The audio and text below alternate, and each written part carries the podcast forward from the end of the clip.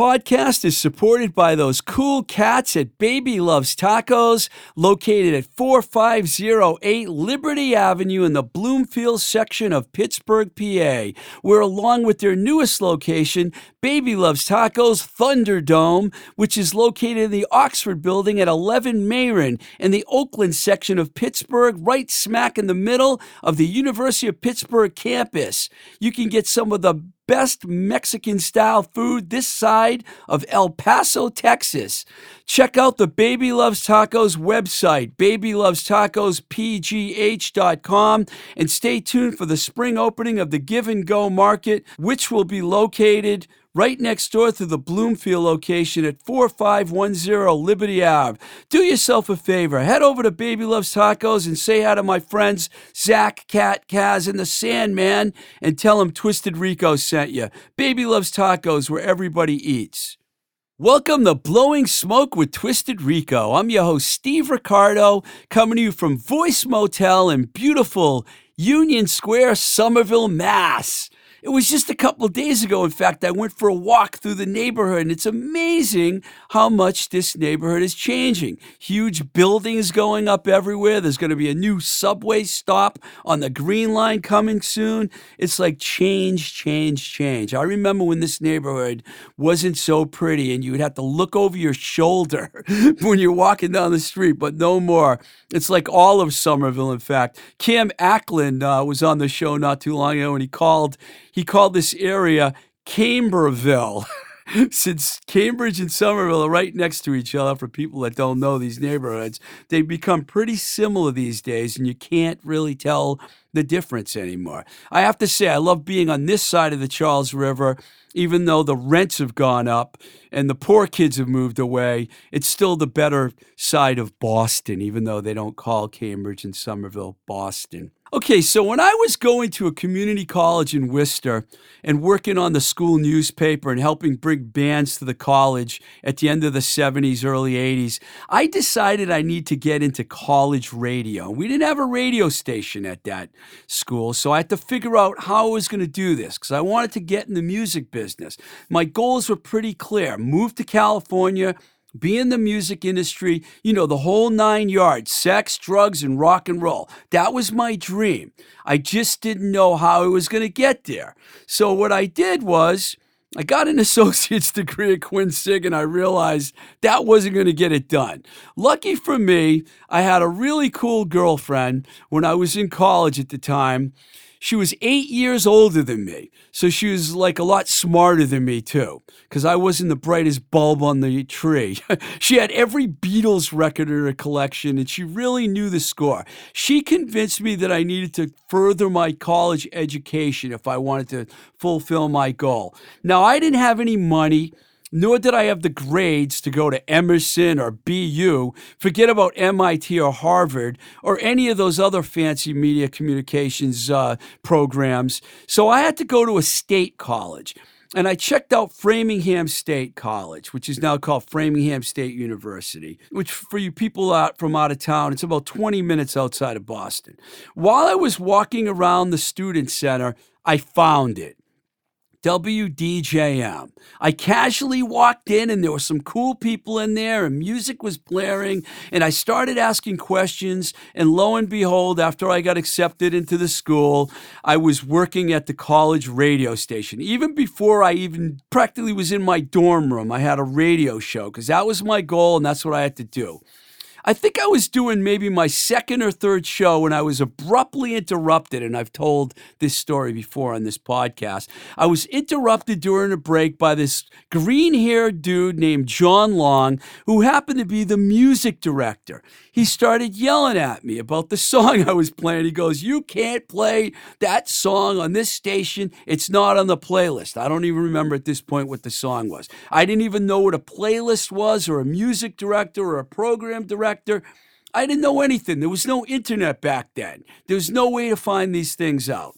I didn't know shit, basically. I just knew that I wanted to play music, and I literally went to WDJM every single day for the next two years, summers included, because I loved that station so much. For a time, I was the assistant GM to a girl by the name of Penny Godfrey. I love you, Penny, wherever you are. She was the GM. And then I, I barely beat out Susan Atkinson for the music director position after being there for about a year. And once I became the, the music director, I got to put together the playlist, talk to the college radio reps from the labels on the phone, and my life changed. Everything changed. I was a real smartass back then, and I got into a lot of trouble. But I, I never steered myself away from my goal, which was to get into the music business. I feel like I, I owe something to all those kids at WDJM who believed in the local music show that I started called Rockin' in Boston. They believed in the playlist, which had everything from Echo and the Bunnymen to SSD Control on it. They believed in what I was doing and they helped me get move along. We had a lot of Boston bands come in there. We were truly there for bands. We were there for the music. We were a true alternative station. And I remember talking to Kim Jones, who is the college radio rep at Enigma Records on the phone. I never would have had the nerve to show up at the Enigma Records office in January 1984 looking for a job with no appointment or nothing. I just showed up. It was all because of WDJM, a station we had to fight to get up to 100 watts from the 10 watts we had when I got there. In, in other words, you couldn't even hear the station unless you were driving through Framingham or you lived in one of those towns like Sudbury or Hopkinton. But we were able to become part of the music scene. We got into clubs, we got to know the bands. The cool fanzine in town, The Noise, knew who we were. I even interviewed Steve Diggle from the Buzzcocks on our show, which was pretty fucking cool back then. In fact, when I met Steve again years later in the 90s when this band, the Doughboys I was working with at A&M, were on tour with the Buzzcocks, I reminded him about that and he remembered coming to the radio station during a snowstorm in 1982. A lot of bands came to the station. We were doing a great job. It was like college radio meant something. It was a great starting point, not only for us, but for many bands. I remember all those kids from the station, like Steve Peck and Rob Tim, who became DJs at big commercial stations. There was Jennifer Whitman and Penny, who I mentioned, Alan Stern, Laurie Rose, Cindy Prunia, John Long, Ivan Slovin, Rocket John, Captain Jack, Mary Durkin, even Susan Atkinson, my nemesis. College radio was everything to me, and it still is. When I started working for labels and I met people from all over the country that started in college radio, they were everywhere. It was a gateway to work for record labels, and it certainly was mine. After I left school, I spent about six months doing a hardcore show at WICN in Worcester.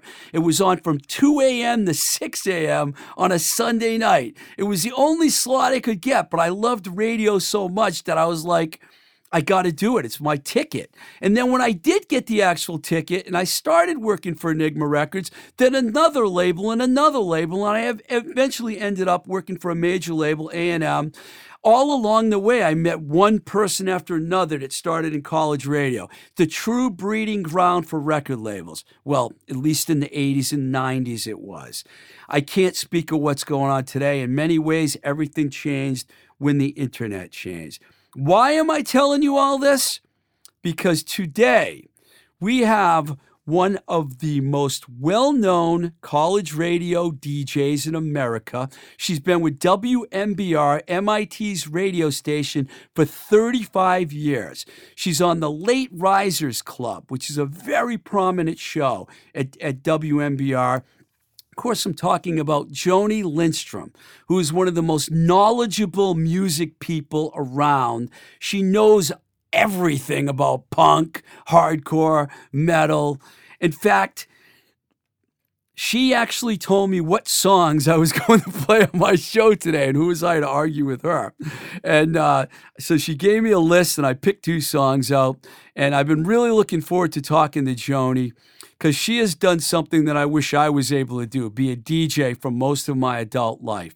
What a lovely way to spend a life playing records on the radio. All right, so before I play you this interview with Joni and I talking, This is the B side of the Gary Gilmore Eyes single, which also appeared on the 1978 album Crossing the Red Sea with the Adverts. This one is called Bored Teenagers. Joni picked it, and it's from the legendary English punkers, The Adverts.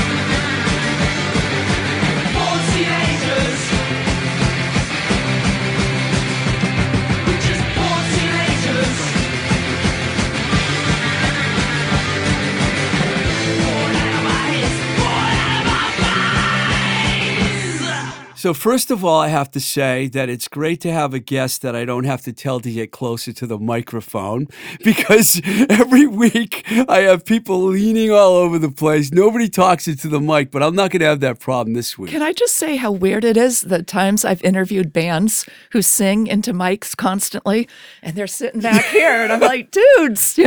Eric Martin from the Neats was the worst. He was in this seat and he kept like going all over the place, and I could tell the way Mike was looking at me like, "What the fuck we gonna do?" He's like, "How, how are we gonna get the audio right here?" You know.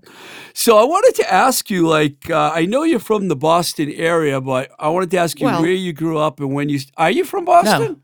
Oh, you're not. Where are you from, and when did you start listening to music? I'm from Springfield, Vermont. Oh, So, okay. as much as you could get into, there was no punk rock back then, but as much as uh, we could listen to heavy music, me and Casey, um, we Your did. brother, the rock star. Yes. And um, so, yeah, in Springfield, Vermont, it's a nowhere little town, and you either kind of went for the Grateful Dead side of things or you went for the Sabbath and Aerosmith side of things. And that's where we were. Uh, where is Springfield, Vermont? It's only two and a half hours from here, right on the uh, Connecticut River, more or less. Oh, so 91. Yep, Yeah. I like Vermont. It's cool. people do. it's, a, it's a nice mellow state, you know. And they got Bernie, you know. I mean, so when did so so you started listening to hard rock like mostly in metal? Yeah. Yeah. I mean, you know, obviously when I was super young, I was listening to whatever was a hit. But then, you know, when I could really choose my own music, it was uh, all those bands Foghat, um, Montrose. I went to UMass Amherst and um, continued the hard rock ways till punk rock made an appearance. And that was when I first learned how to go out to places by myself because nobody I hung out with wanted to see that music. So, yeah, Did you like DJ at, at I didn't. UMass? I was thinking to myself on the way over, it's weird because I knew one or two DJs on uh, WMUA. MUA, Yeah. yeah. And and then when I first moved to Boston, I got to know all the MBR and some ERS DJs, but it never even crossed my mind. When when was it that you did move to Boston? I hate saying years. At least I mean, 35 years ago, because we know you just did your 35th anniversary show. I mean, everybody knows I'm old, but I, and I, I, you know, I'll say, yeah, I saw La Paz, but I hate, but yes, I moved here in the summer of 77. wow. That was a good year, though. It was a good year. Dave Minehan and I both have 77 in common, too. We went to high school. That's when we finished high school. Now everyone's going to know how old I am. But- so, you know, it was like, you know, that was a good time to move here because the rat was like happening. It was amazing. So, did you go to the rat a lot in Yes. that, around that time? Yeah, I mean, I didn't find a job for a few months, but at the very least, you could hang out in Kenmore Square. And Yeah. that was back when Strawberries was there and those stairs. Um, and people, we just go sit there and hang. And it was super fun. But obviously, I was going to the rat. And, uh, and then eventually they started letting me in for free, which made made it easier. But yeah, it took a while for that. I mean, there were so many shows; you had to be there all the time. Didn't you do a show not too long ago where you played all bands that played at the rat or Yes. something? Was that you? Yes. Yeah, I heard part of that. That was cool. Yeah, yeah. So, um, Dead Boys. I, I don't know if you saw the you saw the pictures, right? With Dead Boys at a party yeah, at my yeah. house, and yeah, uh, yeah, yeah, yeah. um, David Minehan. There was a picture of him, and I mentioned him because you just the neighborhoods had that song about him being a punk in '77. It was on their last album. That's why I oh, okay. said the '77 thing. But um, yeah. So it was definitely home base. I wanted to ask you before about when you were growing up, if you remembered the first record you bought. Was it one of those hard rock bands like Foghat and one of those, or Um, it it might have been uh, Jimi Hendrix. that's a good one? Yeah, yeah. I mean, you know, I probably bought, or me and my mother bought Monkees singles or something at some point along the way. But yeah, Did you move here and then your brother followed you here, or did he no, come here first? he was here a year before me, and in fact, he used to live. So I lived across the street, basically right on the corner that was next to the uh, Aegean Fair restaurant back then, and then it was, uh, I don't know, maybe a hair salon up above the uh, New England Music City, and then it just became a convenience store. He was on the backside of Newbury Street, that extension, for his first year here, so that was convenient to have him. And he did uh, introduce. I, I moved down here with a, a dead weight of a roommate, and she just wouldn't do anything. And so I went out and forged the way. And then when she decided to come out and start going to shows, I made her life so easy. I still, I obviously still think about it. It's like, you sit at home and then I pave the way introducing you to everybody, but whatever. Long time ago. So you were here and you're hanging out at the Rat and going to shows and stuff. Is that when you met people that turned you on to the to MBR? Well, I knew somehow about MBR in the beginning. I mean, Late Risers Club had actually just started that spring. And, you know, I don't know if it was just a matter of knowing to go to the bottom of the dial and looking for radio stations like at UMass, or if you, um, you know, somebody had actually told me about it. But, you know, I got to know Albert O. And then, and Peter Gates and I were you know, very, very good friends. And um, Greg Reibman, you know, that whole crew. Oh, Greg Reibman. I haven't heard that name in a while. Yeah. So Mark Flynn, Tammy Heidi, like They all started at MBR? a couple of them. I think Greg first was at ERS back when they were good. And um, Yeah, when they were good. That's a good way been to put It's It's been a while now. Um, and um, Tammy may have been on ERS before she came to MBR too, but yeah. So was it hard getting a show there at first? Well, I def no, because I totally came in the back door. Like I said, I didn't even think about it. And P- Peter made the suggestion that I would be a good substitute. Back in those days, we actually had a substitute DJ. So for one year before I became the Thursday person, I was doing random fill ins. And then he moved to Berlin for a hunk of time, and I took his slot over, and I didn't go anywhere. So that must have been around eight- 80, 80 87 is when I took 87. the Thursday oh, yeah, slot. Yeah. I'm not good with That's math. okay. That's why, I'm in, that's why I went in the music industry. 87. So, you know, that that was a pretty booming the whole 80s were unbelievable for music.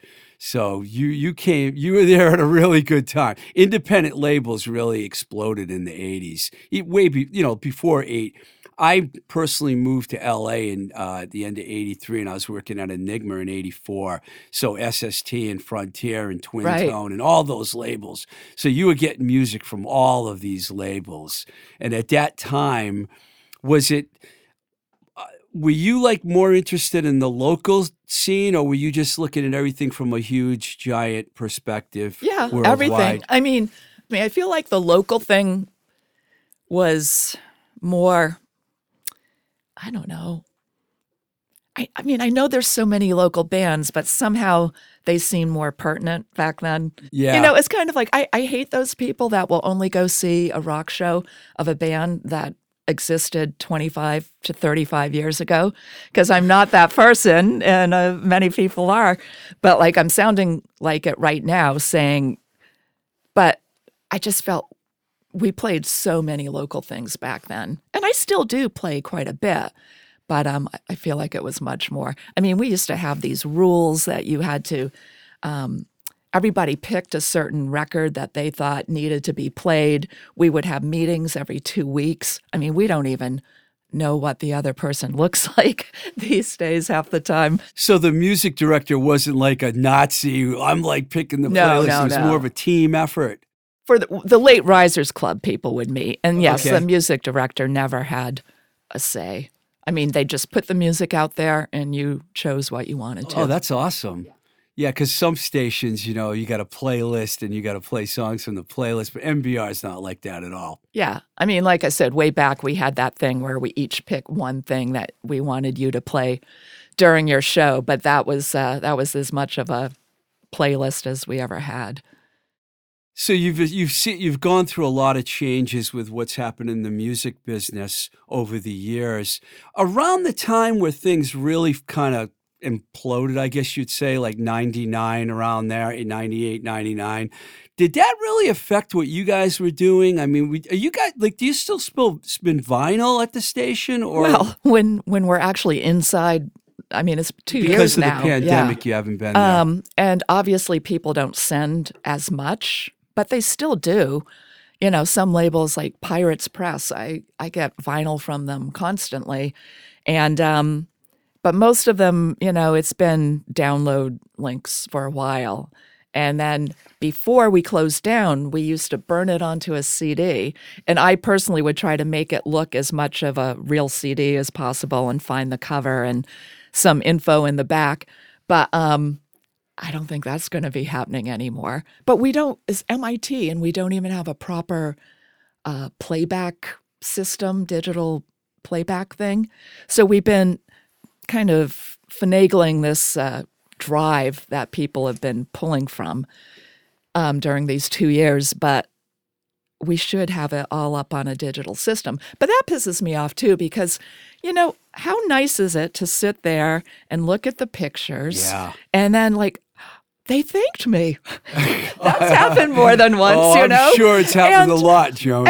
and just like you know, oh, this guy's in this band now. You know, you're not gonna know that anymore, and I don't know. Yeah, I'm with you. I have a bunch of vinyl. I, I listen to records every day if I can, you know. And around here, you know, our, our engineer Mike and Alvin Long, all of us, we're like really, we're like into vinyl, you know. Um, you got to explain to our listen, my listeners, the whole MIT thing because it doesn't really feel like a student-run radio station. Uh, How does this whole dynamic work where there's been people that have been there forever?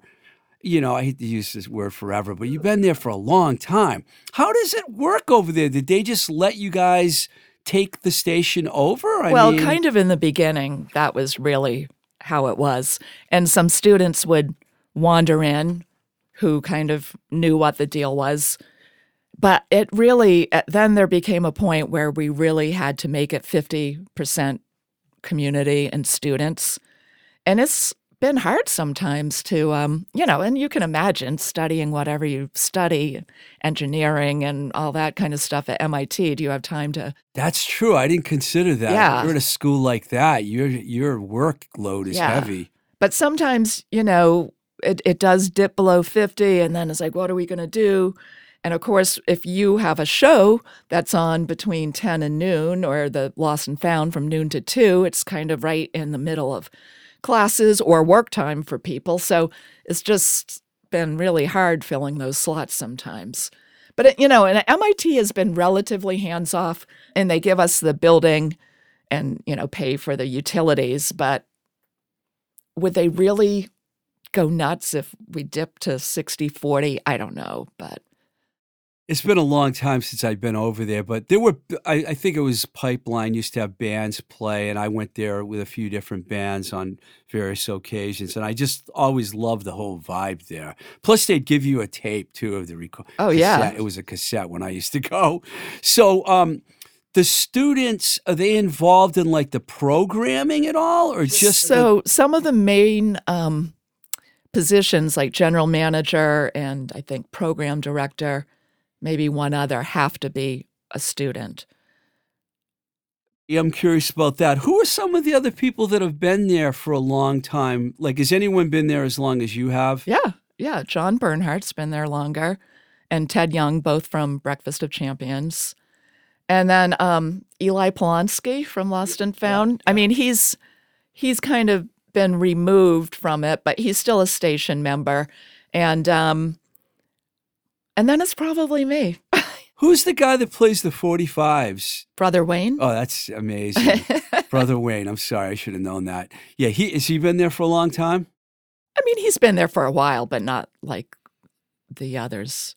So uh, is he doing that from home too now as Yeah. well? Yeah. So did they give you any idea when they're going to let everybody back in the building? I don't know. There's a station meeting at the end of the month, and I think there's going to be an update, but I don't see it happening before this semester ends. But, you know, the kids are back at classes and stuff, so you would think it wouldn't be too much longer. Um, you mentioned ERS wasn't what they used to be, and you could say that about a lot of the Boston stations. What do you think happened? Because you used to have a bunch of really strong college radio stations here, and it doesn't seem like. Well, who else do you think? I mean, ERS definitely. Is HRB or ZBC, are they still very relevant compared to like MBR? I think so. I don't I want you to bash them out. No, bash, no. And bash I'll, I'll be nice, but um, you know, a, a lot of people prefer ZBC to MBR. I- In general, I feel like, although they definitely, I've come across some shows that are more rocking and whatever, but um, in general, I think they're a little more mellow than we are, and um, maybe a little Did, did they have the English same- oriented. Did they have the same wattage as MBR?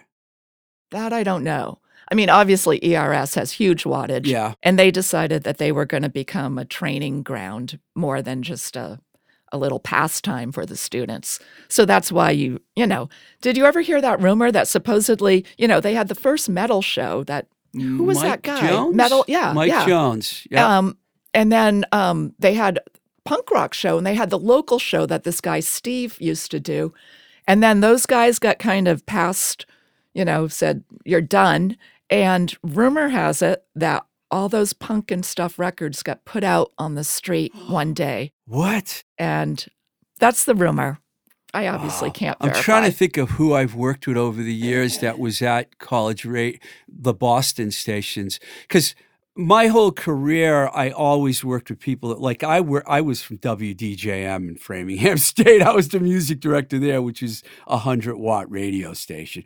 But beforehand, I talked about this how throughout my whole career, there's always people from college radio working for labels. Debbie Southwood Smith was the one I could think of from ERS, Oh, along right. with Mike Jones, that both worked at labels around the time I was there. I don't know what happened to Mike.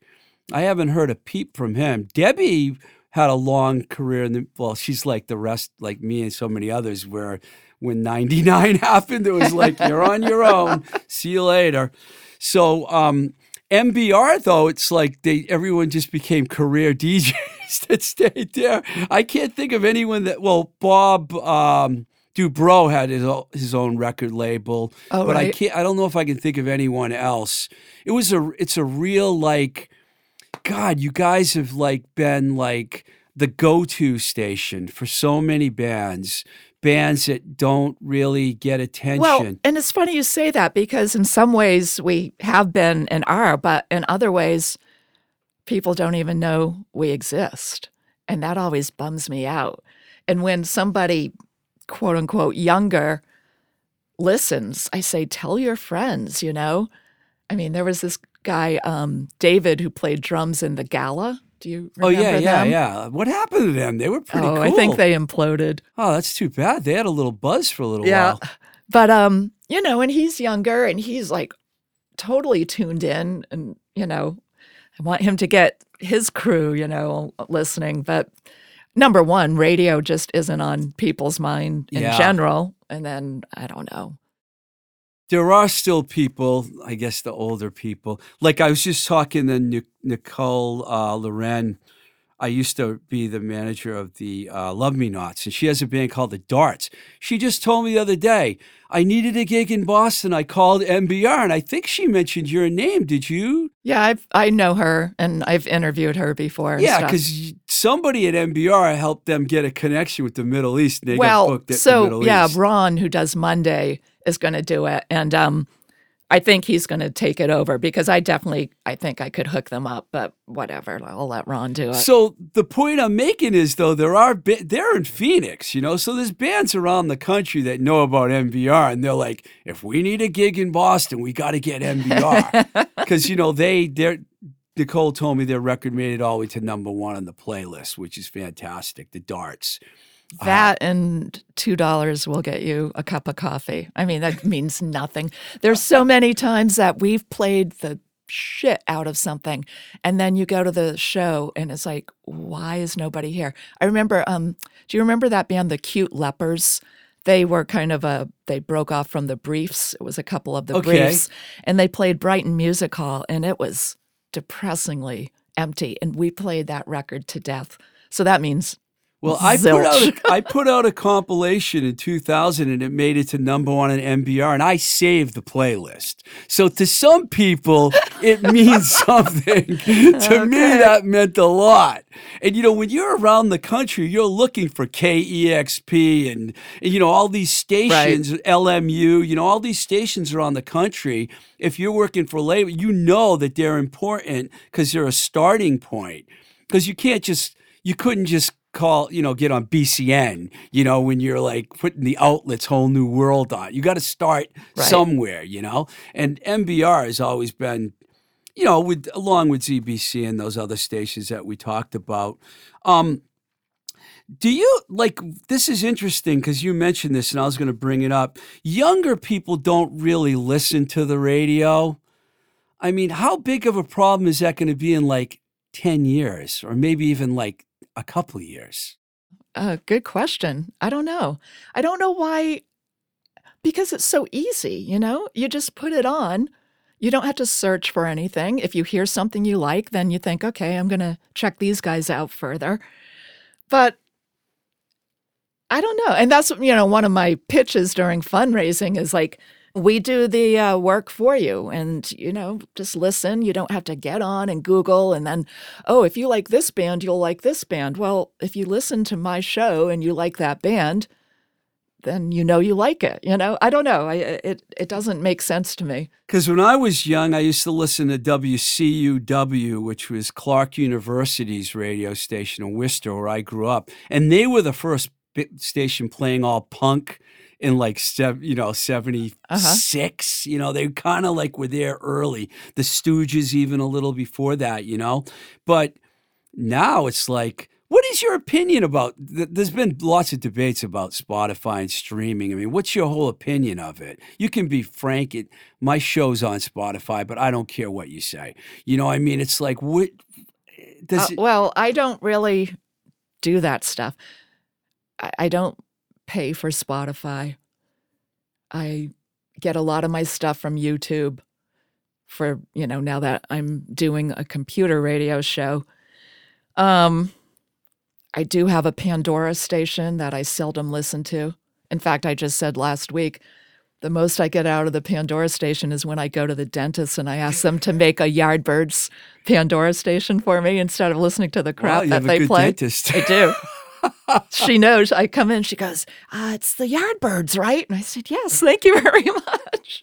I figured, you know, that's not too crazy for them. You know, I didn't So tell. you don't you're not paying attention to any of the hoopla that's going on with streaming now and the you know people boycotting streaming. oh, the whole um, because of Joe Rogan, yeah, you all that stuff. I mean, you don't have a take on any of that. I mean, you know, do it if you want. He sounds like a douche. I haven't really, you know, seen exactly what he's said wherever, so I can't really say. I'm taking Neil Young's side over him. Yeah. You know? But you're not obviously getting rid of Spotify, so Well, I don't pay for it. I just have the free version because my show is on Spotify, but it's also an Apple podcast. So, you know, I mean, people can hear it in a lot of different places. Um, so you're you're like part of what I would call the WMBR Hall of Fame. Did, did we already mention, you know, who else is in that Hall of Fame? You mentioned a few other people. yeah, John Bernhardt, Ted Young. Um, who else has been there super long? Chuck, this guy Chuck Rosina, he does an afternoon show.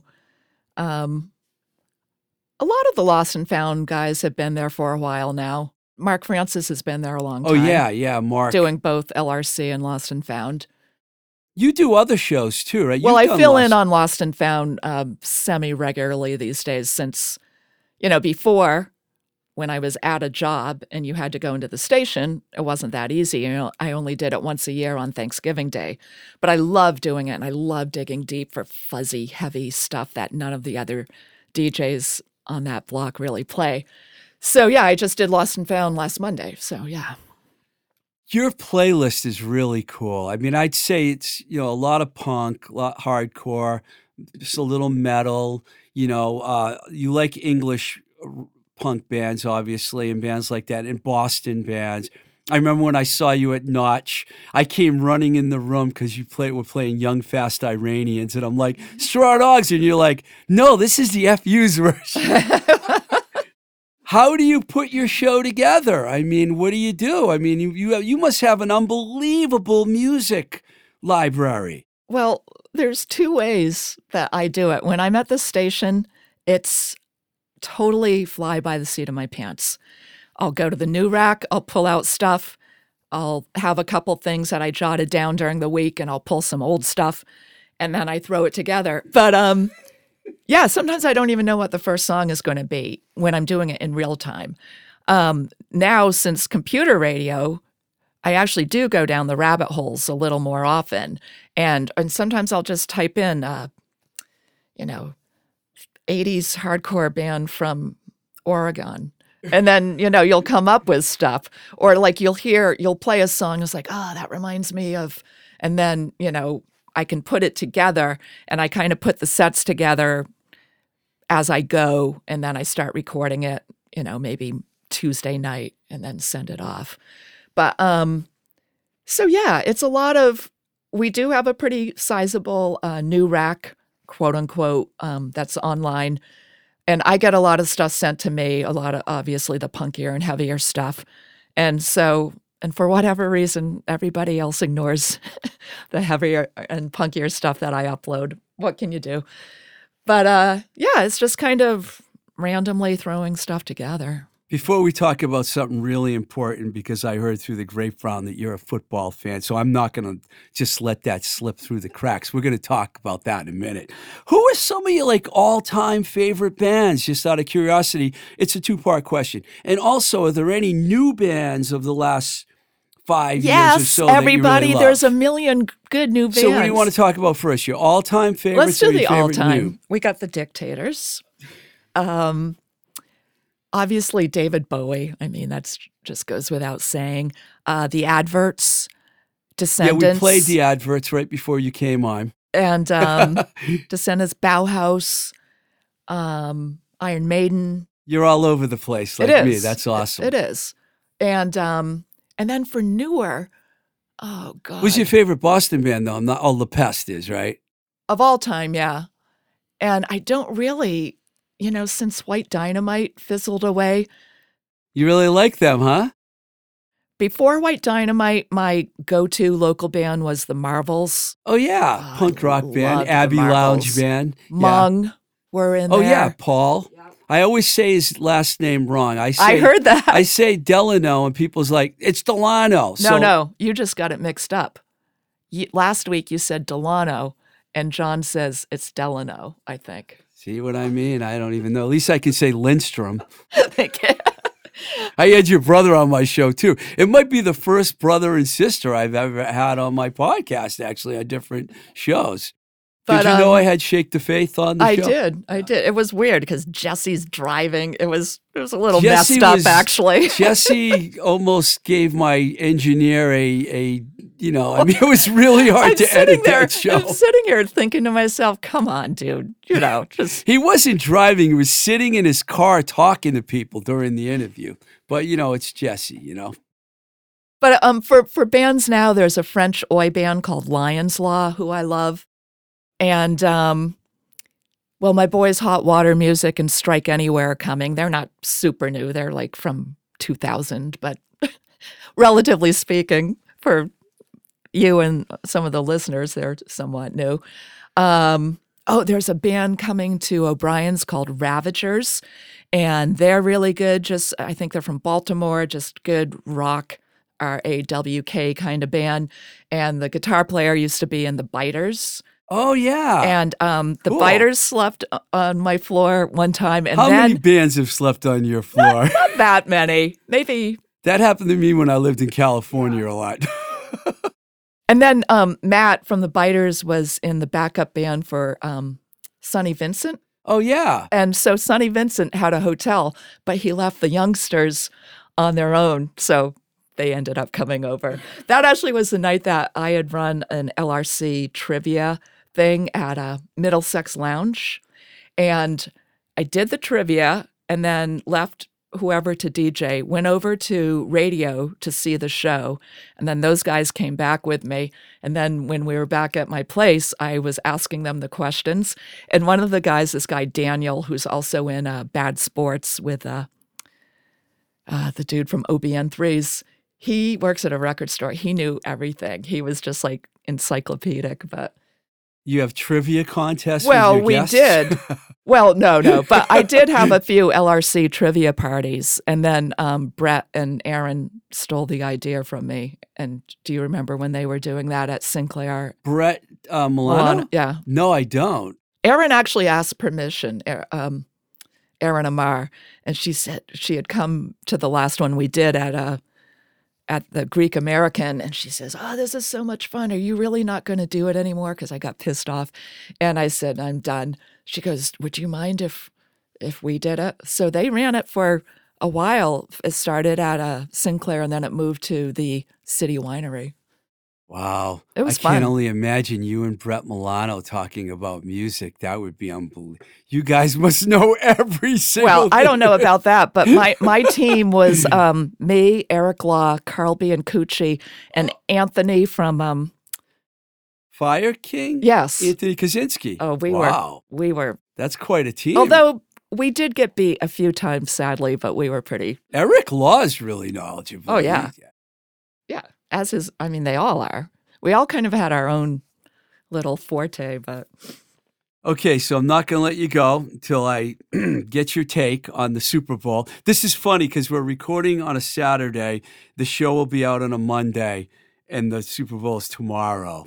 So let's hear your your take because I hear you know everything about football. Well, I don't know, but I will quickly tell you a story. Back in um, high school, our social studies teacher was also the uh, football coach, and he knew at the time. So this is in Vermont in the old days, and my father obviously is older than me, and the closest team you could have before the American League was the Giants. Right? Yeah, yeah. So we were Giants fans first, Patriots fans second. So I knew the Giants like the back of my hand. Wow. And so he said, if Joni can name who plays such and such, you don't have to take the quiz. and I came through. wow, your classmates loved you forever. So, but then it, it obviously turned to the Patriots you- 20 are you- years ago. Are you still a Giants fan first? It's okay if you no, no, are. no, no. You're a Patriot fan now. So, um, as far as tomorrow goes, I usually root for the underdog, Mm-hmm. and I will be tomorrow. And there is something kind of fun about Joe Burrow, Yeah, I right? love him. you know, I love him. and I do like, I kind of like Matthew Stafford, and I feel bad, you know, that he had all those losing. Yeah, he spent a lot of time in Detroit. But then again, you know, like they were saying on ninety eight point five, my my standby. Um, you know, why could he not lift the team above? He had some good people on the team. Calvin Johnson. Yeah. and why could they not like hmm. l- get lifted out of that rut so who knows I feel the same way you do. I, I am I love to see Cincinnati win, but I'm picking my heart is with Cincinnati, but my brain thinks that the Rams are gonna tune them up because their defense is gonna be hard on the young kid. so you think they're gonna beat them handily I think at least by 14. wow That's my pick. you know that the uh, spread is four points i think or four and a half I don't pay. I didn't know that. I'm not. I don't pay attention. I'm just throwing. i'm not sure what the over under is I'm but just throwing my pick out there, and I think it's going to be the Rams by 14. What are you? What's your pick? um oh let's just go with the underdog all the way and say 27 to 21 27 to 21. It's on tape. We got that right, Mike. I should come up with an actual score, so I'm going to say 31 to 17. Is that 14 yeah points? yeah I'm going to say 31 17 All right. Rams. all right we will see Well, thank you for coming on the show. I'm so happy you're oh, Well, here. and I was saying on the air, I feel bad because everybody else who comes down here actually makes their own music, and I just play other people's music. But you know, maybe there is a, an art to putting it together somewhat. I but- let you pick the two songs for the show. So, you know, they're, your, they're the songs that you pick. So it's almost like you made the adverts in white dynamite. Thanks a lot, Joni. All right, thanks, Steve. Thanks, Mike. All right, Joni Lindstrom. It's always nice to talk about college radio. You could probably tell how excited I was during the intro. Joni is one of the college radio legends for sure. So, okay, so if you don't know already, we have a Patreon page. I forgot to mention it last week. I was so excited. The John Lynch Show, by the way. Thank you for everyone that listened to that show. It's one of our most listened to shows in the first week. It was amazing how many people listened to it in the first week. And I know a lot more are going to listen to it. You can support this show on patreon.com forward slash twisted rico so I can continue to have this high level rock and roll entertainment recorded here in the plush, beautiful studio at Voice Motel and the, the New Alliance Gallery in lovely Somerville. Please consider supporting the show on Patreon, or you can support us on anchor.fm slash blowing smoke tr, which is actually the website for the podcast. If you want to send me music, and a lot of people have been sending me music lately, and I love getting music from people. You never know. Your songs might end up on the show here. You can write me at twistedrico at gmail.com. Follow us on Instagram at blowing smoke with TR or at twistedrico. We have a Twitter page, Blowing Smoke BS, and of course the YouTube page, which has a lot of exclusive videos of our Zoom interviews, etc. And there's also that Facebook page until, you know, at least until Facebook suffers their anticipated demise, which I think is on the way. Thank you to Mike Nash for recording us, Baby Love Tacos for supporting us, and all you folks for taking the time to listen. We've had some great shows lately, so please, if you've not heard all 134 episodes, they're all out there on Apple Podcasts and wherever else you listen to podcasts. Today, we're going to leave you with a tune that was chosen by our guest, Joni. This is White Dynamite. I like to say dynamite. And this track's called Don't Tell Me That I Need a Doctor. This is Blowing Smoke with Twisted Rico. I'm your host, Steve Ricardo. Till the next time we say goodbye, keep the rock and roll alive.